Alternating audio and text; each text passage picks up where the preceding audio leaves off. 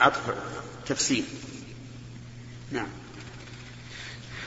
باب ليبلغ العلم الشاهد الغائب.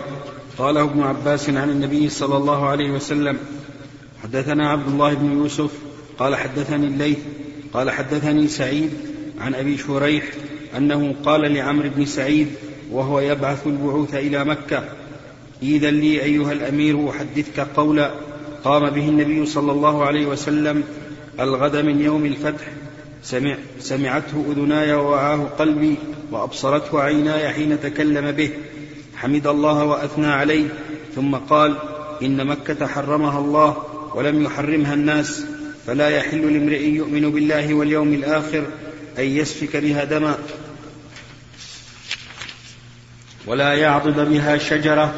فإن أحد ترخص لقتال رسول الله صلى الله عليه وسلم فيها فقولوا إن الله قد أذن لرسوله ولم يأذن لكم وإنما أذن لي فيها ساعة من نهار ثم عادت حرمتها اليوم كحرمتها بالأمس. وليبلغ الشاهد الغائب فقيل لأبي شريح ما قال عمرو؟ قال أنا أعلم منك يا أبا شريح لا يعيد لا يعيد عاصيا ولا فارا بدم ولا فارا بخربة. خربة. خربة عندك نعم. لا هو إن الحرم في بعض الروايات إن الحرم هذا الحديث حديث عظيم فيه فوائد كثيرة منها أنه يجب على الشاهد أن يبلغ الغائب أحاديث رسول الله صلى الله عليه وعلى آله وسلم. وكذلك العالم بها الذي لم يشهد الرسول عليه الصلاة والسلام يجب عليه أن يبلغ الجاهل بها. لأن الله إذا حملك علما فقد أخذ عليك الميثاق أن تبلغه. وإذا أخذ الله ميثاق الذين أوتوا الكتاب لتبيننه للناس ولا تكتمونه ولا تحتقر نفسك. لا تقول أنا لست عالما. إذا علمت حديثا واحدا بلغ. ومن فوائد هذا الحديث نعم وهذا هو الذي ساقه المؤلف من أجله من فوائد هذا الحديث أولا مخاطبة الأمراء. ولو فساقا مخاطبة الاحترام. فهذا أبو شريح صحابي وعمرو بن سعيد الأشدق ليس بصحابي بل هو فاسق. ومع ذلك يناديه هذا الصحابي يقول ائذن لي أيها الأمير. ففي هذا دليل على أن الجلف لا ينبغي أن يخاطب به الأمراء لأن الأمراء آنافهم رفيعة وعندهم من الكبرياء ما يجعلهم يردون الحق إلا إذا خوطبوا على وجه إيش؟ اللين. والحمد لله أنت لم تتواضع هذا التواضع لهذا الأمير إلا لرفعة الحق. أنت لا تريد أن, أن, أن تخضع له لكن تريد أن يخضع هو لأي شيء للحق. فمخاطبة الأمراء باللين خير من مخاطبتهم بالجلال. ولهذا قال ائذن لي هذا أدب أيها الأمير ولم يقل ائذن لي يا هذا أو ائذن لي يا أمير بل أتى بأيها أيها الأمير وهي أرق وأبلغ في التعظيم من قوله ائذن لي يا أمير. ومن فوائد هذا الحديث آه، أنه ينبغي للإنسان أن يقرن الحكم بالدليل.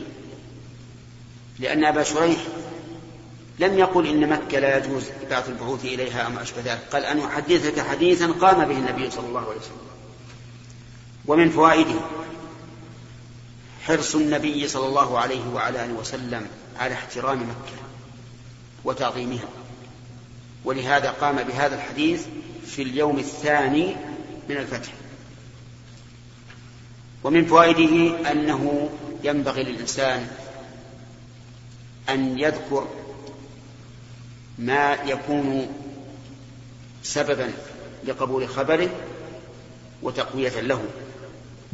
لقول أبي شريح رضي الله عنه سمعته أذناي ووعاه قلبي وهذا يعود إلى القول وأبصراه أبصرته عيناي وهذا يعود إلى القائل لأن القول لا يبصر إنما الذي يبصر هو القائل فهو يقول أنا أبصرت وسمعته أذناي ووعاه قلبي ولم أنس منه شيئا. ومن فوائده أن استماع الإنسان للمتكلم مع رؤيته إياه أبلغ فيما إذا سمعه من دون من دون رؤية. ولهذا قال العلماء لا ينبغي أن يكون بين الإمام والمأمومين فاصل يحجبه عن رؤيتهم وهذا شيء مجرد تسمع الخطيب في الخطبة وأن تشاهده فيهز مشاعرك وتتأثر به. وإذا سمعته في, في, في, شريط تسجيل لم يكن عندك ذاك التأثر. لأن مشاهدة العين للإنسان وهو يتكلم تعطي الإنسان قوة في الاستماع والفهم والوعي. ومن فوائد هذا الحديث ابتداء الخطبة بالحمد والثناء على الله. وهكذا كانت خطب الرسول عليه الصلاة والسلام يبتدئها بالحمد والثناء عليه. ومن أحسن ما أحسنها خطبة الحاجة التي علمها النبي صلى الله عليه وسلم أمته. كما يعلمهم السورة من القرآن. وهي الحمد لله نحمده ونستعينه ونستغفره ونعوذ بالله من شرور أنفسنا إلى آخره. وسمعت بعض الناس يزيد فيها وينقص ممن يحبون أن يأخذوا بالآثار. فتجد يقول الحمد لله نحمده ونستعينه ونستهديه. من أين جاءت ونستهديه؟ نعم, نعم, نعم نستهديه نطلب الهداية منه. لكن ما دمنا نريد أن نحافظ على ما ورد في هذه الخطبة فليكن كلامنا فيها حسب ما ورد ولهذا كنا نقول نستغفره ونتوب إليه ثم تبين لنا أن كلمة نتوب إليه ليست واردة في هذا الحديث وإنما الوارد الحمد لله نحمده ونستغفره نحمده. نحمده ونستعينه ونستغفره كذلك أيضا في الحديث ومن يضلل فلا هادي له. ونسمع بعض الأخوة يقولون ومن يضلل فلن تجد له ولي مرشد. أنتم أنتم أعلم من الرسول بالاقتباس من القرآن؟ صحيح أنه ومن يضلل فلن تجد له ولي مرشد في القرآن. آية من آيات الله لكن ما الذي صرف الرسول عنها عليه الصلاة والسلام؟ أجهلا بها أم ماذا؟ فإذا كنا نريد أن نتبع الأثر في, في هذه الخطبة فليكن على ما ورد.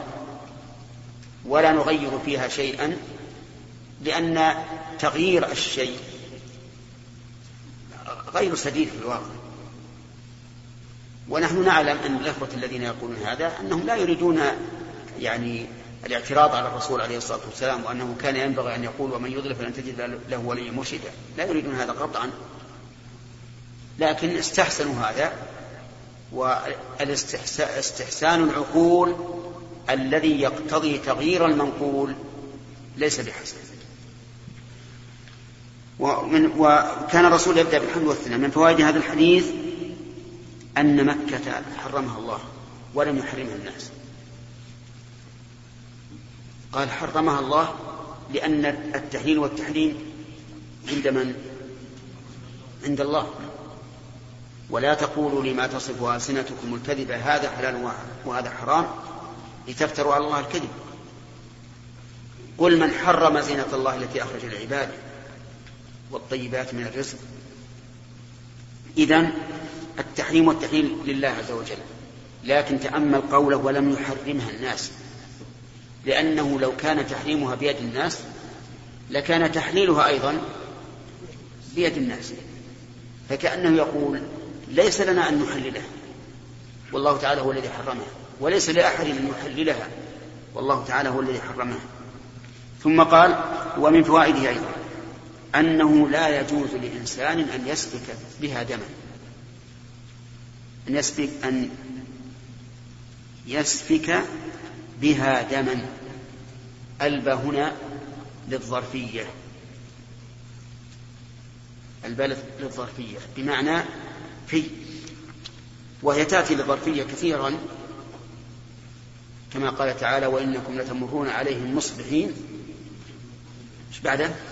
وبالليل أي وفي الليل. فالباء هنا للظرفية يعني لا يحل أن يقتل فيها أحدا وفي قوله يؤمن بالله واليوم الآخر. يعني والكافر يجوز؟ لا هذا من باب الإغراء. وأن مقتضى الإيمان بالله واليوم الآخر أن يحترم الإنسان مكة فلا يسفك بها دما. ولهذا يسمى هذا الوصف الوصف المثير على الالتزام أن الإنسان يلتزم بما علق عليه الإيمان بالله واليوم الآخر. واليوم الآخر هو يوم القيامة وسبق معنى آه، تسمية باليوم الآخر. ومن فوائد هذا الحديث أنه لا يحل أن يعضد بها شجرة. يعضد يعني يقطع. وإن كانت مؤذية نعم. وإن كانت مؤذية لا يحل أن يقطع في مكة شجرة ولو كانت مؤذية وذهب بعض أهل العلم إلى جواز قطع الشجر المؤذي. وقال إنه بمنزلة الصائد. فتحريم الصيد أقوى من تحريم الشجر. ومع ذلك لو صار عليك صيد وأنت في مكة ولم يندفع إلا بالقتل إيش؟ قتلته ولا حرج عليك. وتحريم الصيد أشد. فكيف بالشجرة؟ قالوا هذه الشجرة المؤذية كالصائل لك أن تقطعها. يعني مثل لو كانت شجرة فيها شوك في الطريق.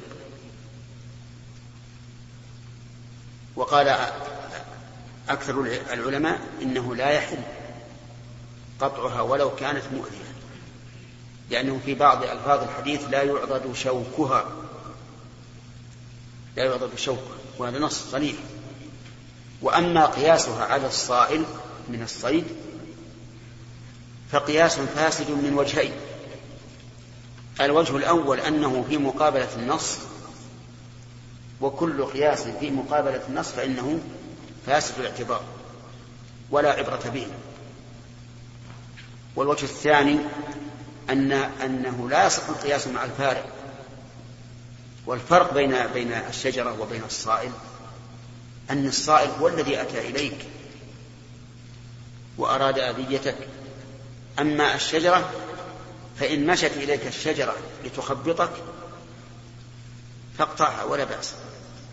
لكن إن جئت أنت إليها فأنت أنت الصائل عليه ليست هي الصائلة عليك ففرق بين الشجرة وبين الصيد أن الصيد هو الذي يأتي بنفسه وأما الشجرة فليست تأتي بنفسها ولكن لو سأل سائل وقال هنا هذا هذا طريق مسلوك من زمان ثم نبتت فيه شجرة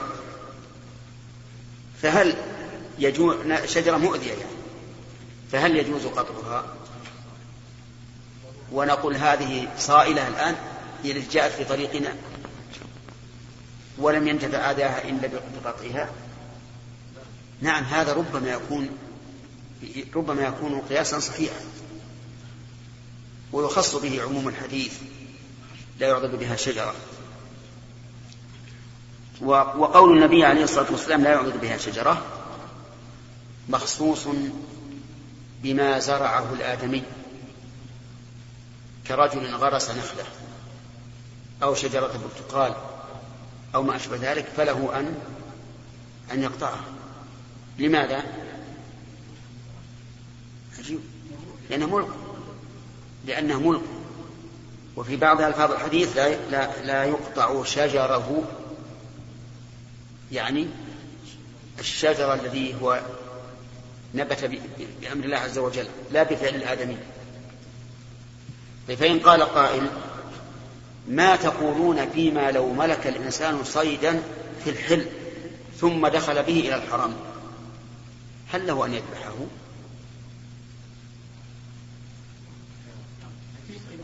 إن قلتم نعم إن قلتم نعم قلنا الآن صح القياس.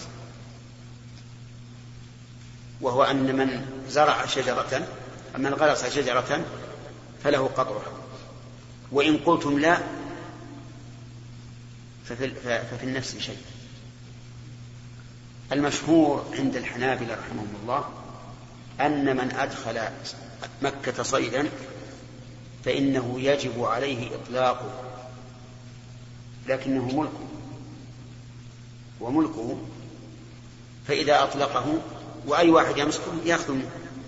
من اللي يأخذه؟ ملكه الأول. لكن لا تبقى عليه يده يجب عليه إطلاقه. ولهذا يقال إن أنه مرة من المرات جاء الجراد تعرفون الجراد نعم. أتعرفه يا بن داود؟ طيب. نعم. معروف. المهم صاده الناس من خارج الحرم. من خارج الحرم. ثم دخلوا به إلى مكة وجعلوا يبيعونه في السوق.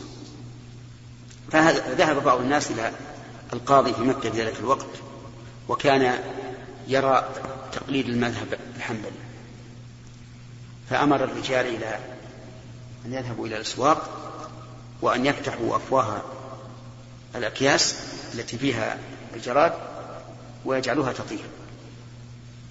طيروها. لماذا؟ لأن الجراد صيد. ولا يجوز للإنسان أن يقر يده على الصيد وهو في مكة. ولكن القول الصحيح في هذه المسألة أن من صاد صيدا خارج الحرم وأدخله الحرم فإنه ملكه يتصرف فيه كما يشاء.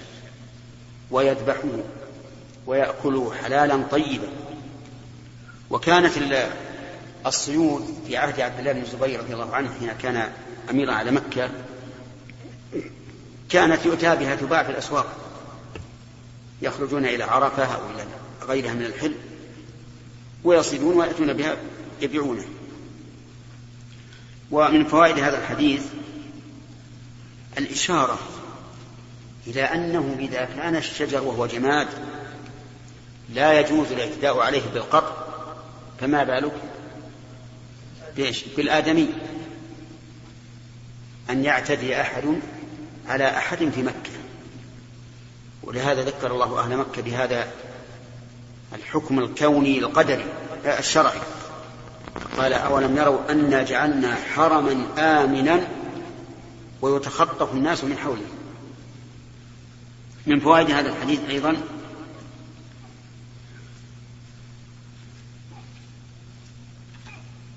أنه لا يمكن أن يحتاج أحد إلى شيء في الدين إلا وفي الكتاب والسنة الجواب عنه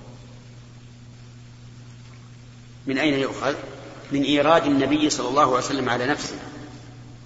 إن أحد ترخص بقتال رسول الله. وهذا أمر يرد. ربما يقول قائل أليس النبي عليه الصلاة والسلام دخل مكة مقاتلا؟ ولنا فيه أسوة. فأجاب فأورد النبي صلى الله عليه وسلم على نفسه هذا الإيراد وأجاب عنه. قال إن أحد ترخص بقتال رسول الله صلى الله عليه وسلم أي, أي استسهل القتال محتجا بفعل النبي صلى الله عليه وعلى آله وسلم فالجواب فقولوا إن الله أذن لرسوله ولم يأذن لكم سبحان الله. إن الله أذن لرسوله ولم يأذن لكم إذن هذا من خصائص من؟ من خصائص الرسول. ولله تعالى أن يختص بأحكامه من شاء. ثم إن هذه الخصيصة أيضا ليست لإهانة الحرم بل لتعظيم الحرم وتطهيره من الشرك. ولهذا لما قال سعد بن عبادة رضي الله عنه ومعه راية الأنصار. حين دخل النبي صلى الله عليه وسلم مكة قال اليوم اليوم يوم الملحمة اليوم تستحل الكعبة. غاب عن باله رضي الله عنه. ما كان ينبغي أن يكون على باله. فبلغ ذلك النبي صلى الله عليه وعلى آله وسلم فقال كذب سعد. بل اليوم بل اليوم يوم تعظم فيه الكعبة. ما هي ما تستحب هذا الاستحلال لأمر عظيم جدا وهو تطهير الكعبة من الشرك والأوثان. ثم أخذ الراية منه أي من سعد بن عبادة؟ وهو سيد الخزرج كما تعرفون. أخذها وجعلها في ابنه قيس بن سعد. فانظر أيضا إلى الحكمة من الرسول عليه الصلاة والسلام في تدبيره. أخذها من سعد لقوله هذه المقالة. لكن لا لكنه لم يخرجها عنه لأن سعد سيد القوم فجعلها في ابنه. وهذه من السياسة الحكيمة. على كل حال لا, لا نذهب بعيدا. أقول إن, إن الله أذن للرسول صلى الله عليه وسلم لا استحلالا للكعبة ولا إهانة للكعبة ولكن تعظيما لها. ولهذا قال قولوا إن الله أذن لرسوله ولم يأذن لكم. وهل بعد هذا حجة؟ عجيب. لا. ما ن... أي واحد ما يقول ليش ما أذن ما, ما أذن الله لي؟ لماذا أذن لرسوله ولم يأذن؟ لا أحد يقول هكذا هذا جواب قاطع فاصل. لا يمكن لأحد أن يتجاوزه. ومن فوائد هذا الحديث أيضا أن التحليل ليس تحليلا مطلقا للرسول عليه الصلاة والسلام. ليس مطلقا. يقول أحلت لي ساعة من نهار وهي ساعة دخوله حتى قال من دخل المسجد فهو آمن ومن دخل دار أبي سفيان فهو آمن ومن دخل بيته فهو آمن. وهذه من حكمة الرسول عليه الصلاة والسلام. لماذا قال من دخل دار أبي سفيان؟ لأن أبا سفيان في ذلك الوقت كان سيد القوم فأعطاه هذه المزية. وتعرفون أن السادة لا بد وإن أسلموا لا بد أن يكون لهم شيء في نفوسهم من حب التخصيص بشيء ما. لكن إذا قال قائل أين الخصيصة لأبي سفيان؟ بعد قوله ومن دخل داره فهو آمن. نقول فيها خصيصة. لو كنت في السوق وبيتك بعيد وليس حولك إلا بيت أبي سفيان فدخلت. تأمن أو لا تأمن؟ ها؟ تأمن. لكن لو دخلت بيت غيره فمقتضى الحديث لا تأمن طيب يقول ساعة من النهار فما هذه الساعة؟ قال أهل العلم من طلوع الشمس إلى صلاة العصر. يعني أحلت له على قدر الضرورة فقط. ومن فوائد هذا الحديث جواز تقييد الحكم الشرعي. جواز تقييد الحكم الشرعي لأنه أحلت ساعة من النهار ثم حرمت. وبعضهم قال فيه دليل على جواز النسخ مرتين. لأنه نسخ التحريم أولا ثم نسخ التحليل ثانيا فعادت حرمتها آه، يقول اليوم كحرمتها بالأمس. وأيا كان يعني لو أن الحكم غير مرتين أو ثلاثا أو أربعا فإنه إذا جاز تغييره مرة جاز تغييره أكثر. متى جاز النسخ مرة؟ جاز النسخ أكثر من مرة. لأن النسخ إنما هو لمصلحة من؟ عجيب يا جماعة. لمصلحة العباد. قد يصلح العباد إيجاب هذا الشيء اليوم وتحريمه غدا. وليس النسخ من باب البدع على الله كما قالت اليهود. اليهود يقولون ما يمكن أنه ينسخ أبدا. لأن النسخ معناه علم بعد جهل فيكون الحكم الأول كالتجربة. شوف كيف الكلام هذا. يقول إذا قلت إن الله يجوز ينسخ يحلل اليوم ويحرم غدا معناه أنه ليس عنده علم. شرع بالأول هذا الحكم ثم جرب فوجده لا يصلح فعاد إلى الحكم الآخر. وهل هذا صحيح؟ هذا غير وأنتم أنتم الآن اليهود في شريعتكم النسخ كل الطعام كان حلا لبني إسرائيل إلا ما حرم إسرائيل على نفسه من قبل أن تنزل التوراة. قل فأتوا بالتوراة فاتلوها إن كنتم صادقين. ثم هم يقولون إن دينهم نسخ ما سبق. في بني إسرائيل. من فوائد هذا الحديث وجوب تبليغ الشاهد الغائب لقوله عليه الصلاة والسلام وليبلغ الشاهد الغائب.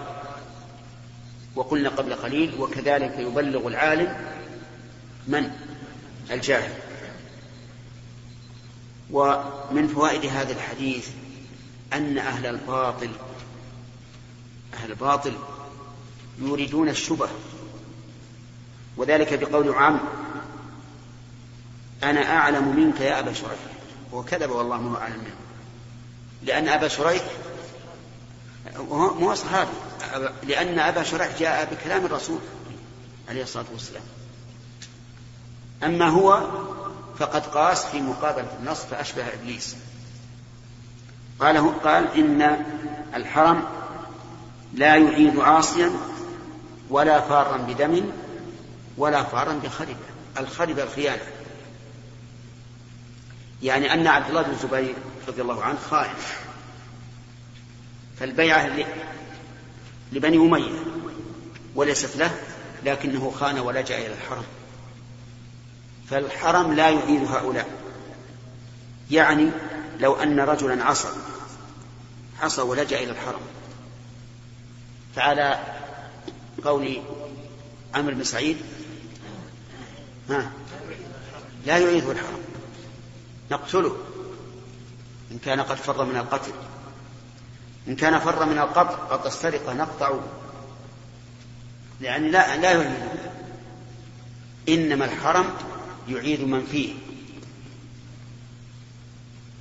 وأما الذي فر بدم أو خرب أو خيانة آه، بدم أو الفاسق العاصي فلا يعيده. ولكنه كذب في هذا. الحرم يعيد كل من لجأ إليه. أولا جاء نعم. قال إبراهيم عليه الصلاة والسلام رب اجعل هذا, رب اجعل هذا البلد آمنا. وفي الآية الأخرى رب اجعل هذا بلدا آمنا.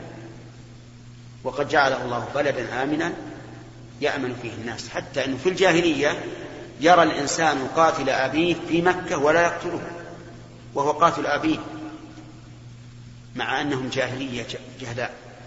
نعم. فإن قال قائل إذا نأمر كل إنسان مجرم أن يذهب إلى مكة وتعيد. ماذا نقول؟ نقول نعم تعيد ولكن يعامل معاملة تقتضي أن يخرج من مكة.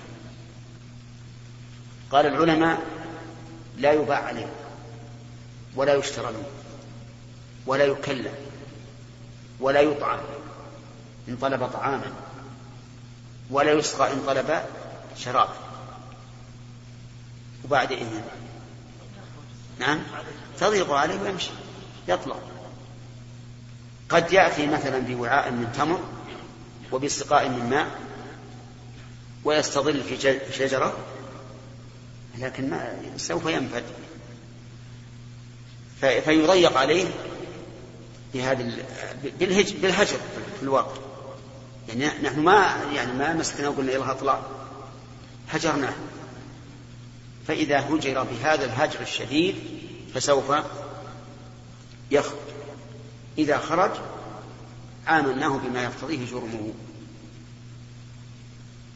وربما يتبين بعد التأمل يتبين في هذا الحديث فوائد أخرى فمن أراد منكم أن يستنبط منها شيئا فليفعل.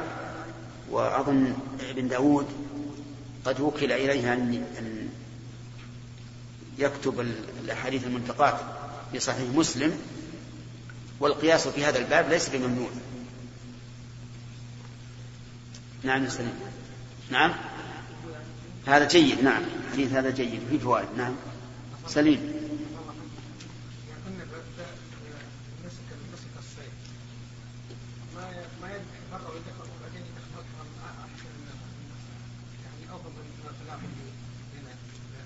هو ما ما في شك إنه إذا ذبحه خارج الحرم لكن أحيانا يصيدون الصيد يبيعونه.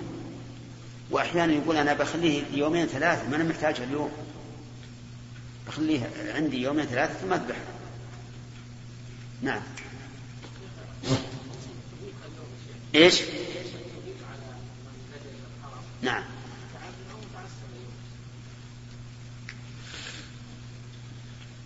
ما هو متعذر ولا متعسر. صحيح في شيء من التعسر لكن التعذر ما هو متعذر. خلى معه جندي أو جنديان ويقال عفتم لا أحد يكلمه ولا أحد يبيع عليه ولا شيء. ما يلقى. ما, ما يلقى. ما, ما نبي يقف على الدكان وياخذ ياخذ منه. لو أراد ما ما حصل له هذا. نعم.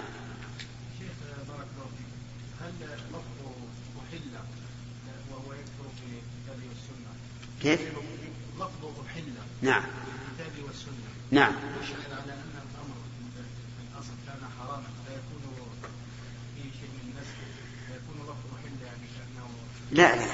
قد يكون حل إقرار الحل.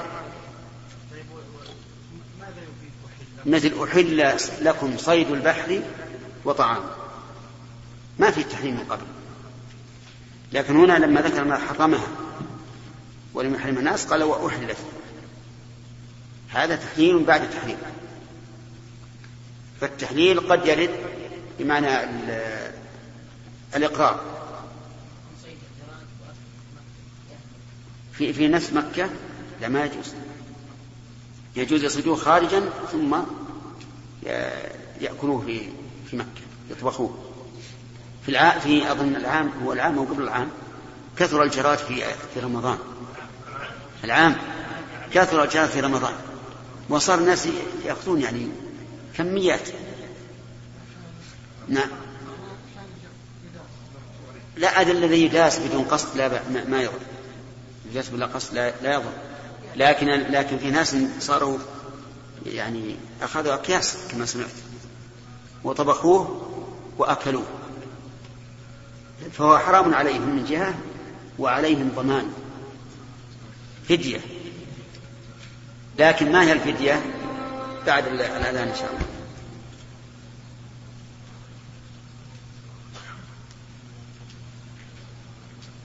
نأذن له. أعطاك إياهم. أبجاد.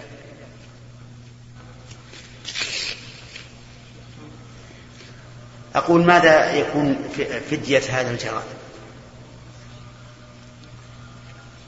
يقال إن أمير المؤمنين عمر رضي الله عنه قيل له يا أمير المؤمنين كل جرادة بتمرة.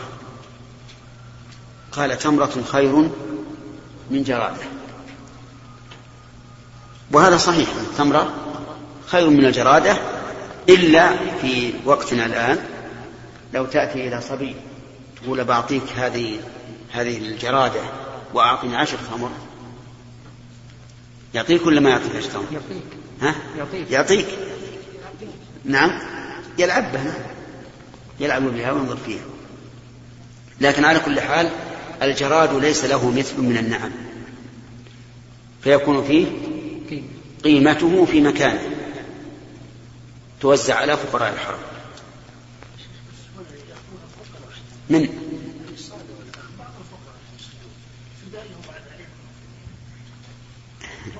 أولا يبين لهم هذا ما يجوز.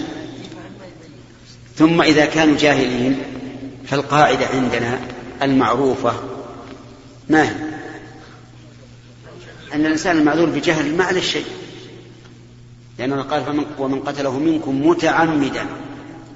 فإذا قتل المحرم الصيد وهو جاهل يحسب أنه لا لا يحرم فليس عليه شيء. وإذا أكله مثلا بعد قتله وهو يظن أنه ليس بحرام فليس عليه شيء. كل المحرمات مع الجهل ليس فيها شيء. هذه القاعدة. ربنا لا تؤاخذنا إن نسينا وأخطأنا قال الله تعالى قد فعلت. نعم. بسم الله الرحمن الرحيم. الحمد لله رب العالمين وصلى الله وسلم على نبينا محمد وعلى آله وصحبه. قال البخاري رحمه الله تعالى حدثنا عبد الله بن عبد الوهاب قال حدثنا حماد عن أيوب عن محمد عن ابن أبي بكرة عن أبي بكرة ذكر النبي صلى الله عليه وسلم قال فإن دماءكم وأموالكم قال محمد وأحسبه قال وأعراضكم عليكم أنت ذكر للنبي ولا ذكر النبي؟ ذكر النبي. ذكر. ضمن الدال نعم.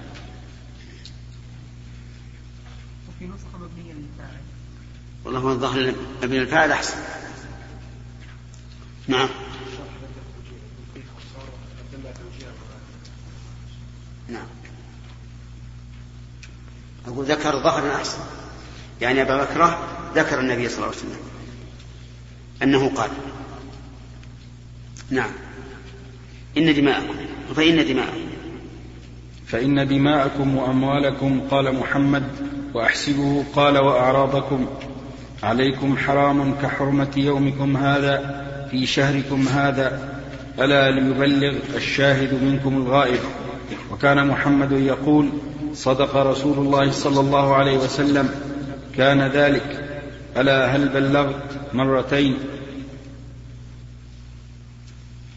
سبق الكلام على هذا الحديث. باب إثم من كذب على النبي صلى الله عليه وسلم. حدثنا علي بن الجعد قال أخبرنا شعبة قال أخبرني منصور قال سمعت ربعي بن حراش يقول سمعت علي يقول قال النبي صلى الله عليه وسلم لا تكذبوا علي فإنه من كذب علي فليلج النار.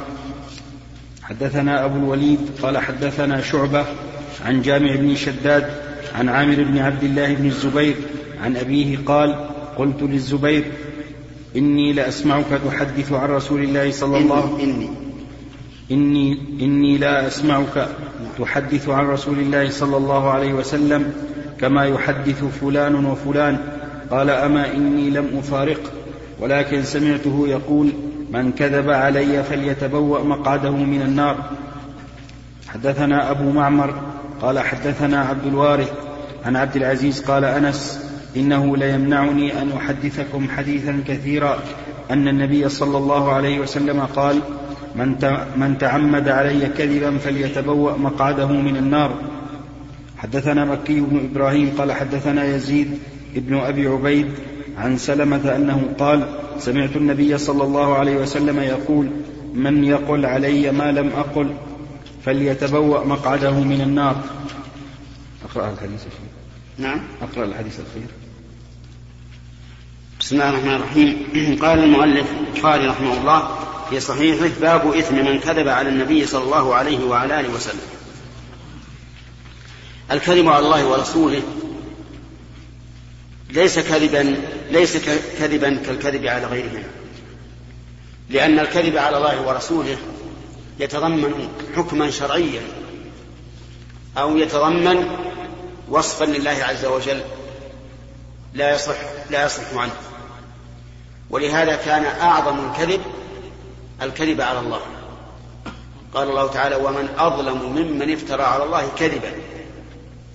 ثم الكذب على النبي صلى الله عليه وعلى آله وسلم.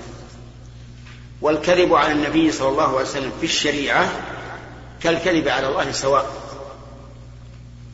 لأن الكاذب على الرسول في الشريعة يريد أن يثبت شيئا على أنه شريعة من شرائع الله وليس كذلك؟ أما الكذب على من سواهما فيختلف.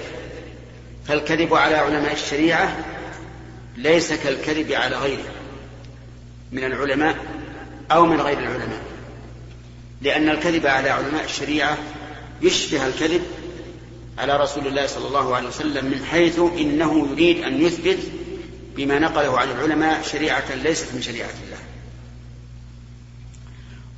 وبعد ذلك كلما كان الكذب أعظم ومفسدته أكبر كان أشد إثما.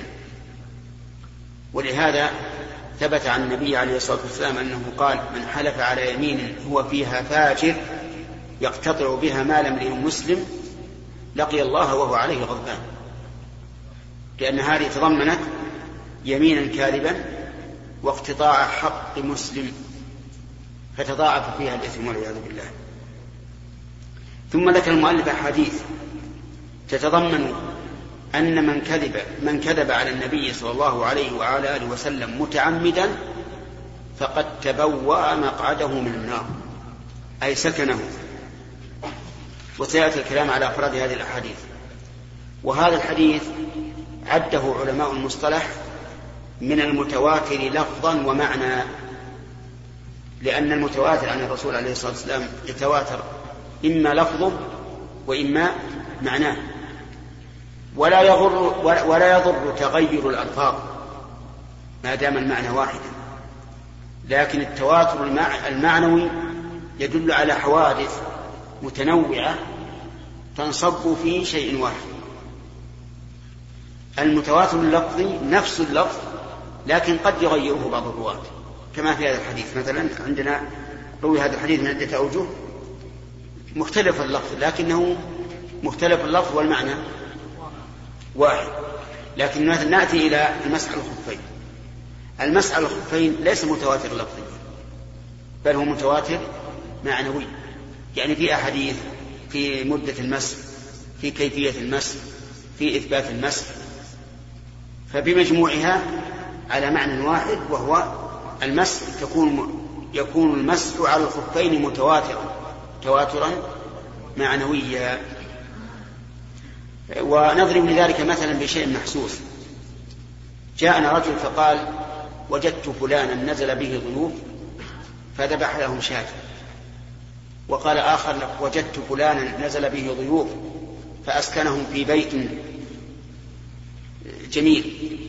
وقال الآخر رأيت فلانا نزل فيه ضيوف فكساهم كسوة جميلة. وقال الثاني رأيت فلانا نزل فيه ضيوف فأركبهم مراكب فخمة. وقال الثالث آه، الخامس ها؟ أو السادس رأيت فلانا نزل به ضيوف فأعطى كل واحد مئة دينار مثلا. نسمي هذا إيش؟ تواترا معنويا. نوع الكرم مختلف لكن كل هذه الأفعال تنصب في شيء واحد وهو كرمه فيكون ثبوت كرم هذا الرجل متواتر. حديث الذي نحن فيه الكذب على الرسول عليه الصلاة والسلام تواترت الأحاديث فيه تواترا لفظيا وإن تغير اللفظ بعض الشيء بأن من كذب عليه متعمدا فليتبوأ مقعده من النار. ومعنى كذب عليه أن نسب أي نسب إليه القول وهو كاذب أو نسب إليه الفعل وهو كاذب أو نسب إليه الإقرار وهو كاذب. لكن أشدها القول أشدها القول. فإذا قال قائل قال رسول الله صلى الله عليه وعلى آله وسلم كذا وكذا وهو كاذب يعلم أنه كاذب. يكون هذا قد تبوأ مقعده من النار يعني كذب على الرسول صلى الله عليه وسلم كذبا قوليا وإذا قال رأيت النبي صلى الله عليه وسلم فعل كذا وهو يعلم أنه كاذب يكون كذب على الرسول كذبا فعليا. وإذا قال رأيت النبي صلى الله عليه وسلم سمع فلانا يقول كذا وكذا ولم ينكر عليه فهذا كذبا إقراريا. فالكذب على الرسول يتضمن القول والفعل والإقرار. من كذب عليه متعمدا فليتبوأ مقعده من النار. ثم ذكر المؤلف رحمه الله حديث علي بن أبي طالب. أن النبي صلى الله عليه وعلى آله وسلم قال لا تكذبوا علي فإنه من كذب علي فليلج النار. يلج بمعنى يدخل. كقوله تعالى حتى يلج الجمل في سم الخياط. ولكن هنا إشكال فليلج كيف يؤمر الإنسان بالولوج في النار؟ نقول هذا أمر بمعنى الخبر. والأمر يأتي بمعنى الخبر كما أن الخبر يأتي بمعنى الأمر. فهما يتعاوران يعني كل واحد يكون عاريا في مقام الثاني. من إتيان الخبر بمعنى الأمر قوله تعالى والمطلقات يتربصن بأنفسهن. هذا خبر لكن معناه الأمر. ومن الأمر بمعنى الخبر قوله تعالى وقال الذين كفروا للذين آمنوا اتبعوا سبيلنا ولنحمل خطاياكم. المعنى ونحن نحمل خطاياكم. لكن جاءت بصيغة الأمر. فليلج النار مثلها. يعني فقد ولج النار. فهو أمر بمعنى الخبر. ثم ذكر حديث عبد الله بن الزبير. قال قلت للزبير إني لا أسمعك تحدث قلت للزبير يقول عبد الله وهو أبوه. ومثل هذا التعبير عند العامة يستنكر. أيها الإخوة في ختام هذه المادة نسأل الله أن نلقاكم في لقاءات متجددة. مع تحيات مؤسسة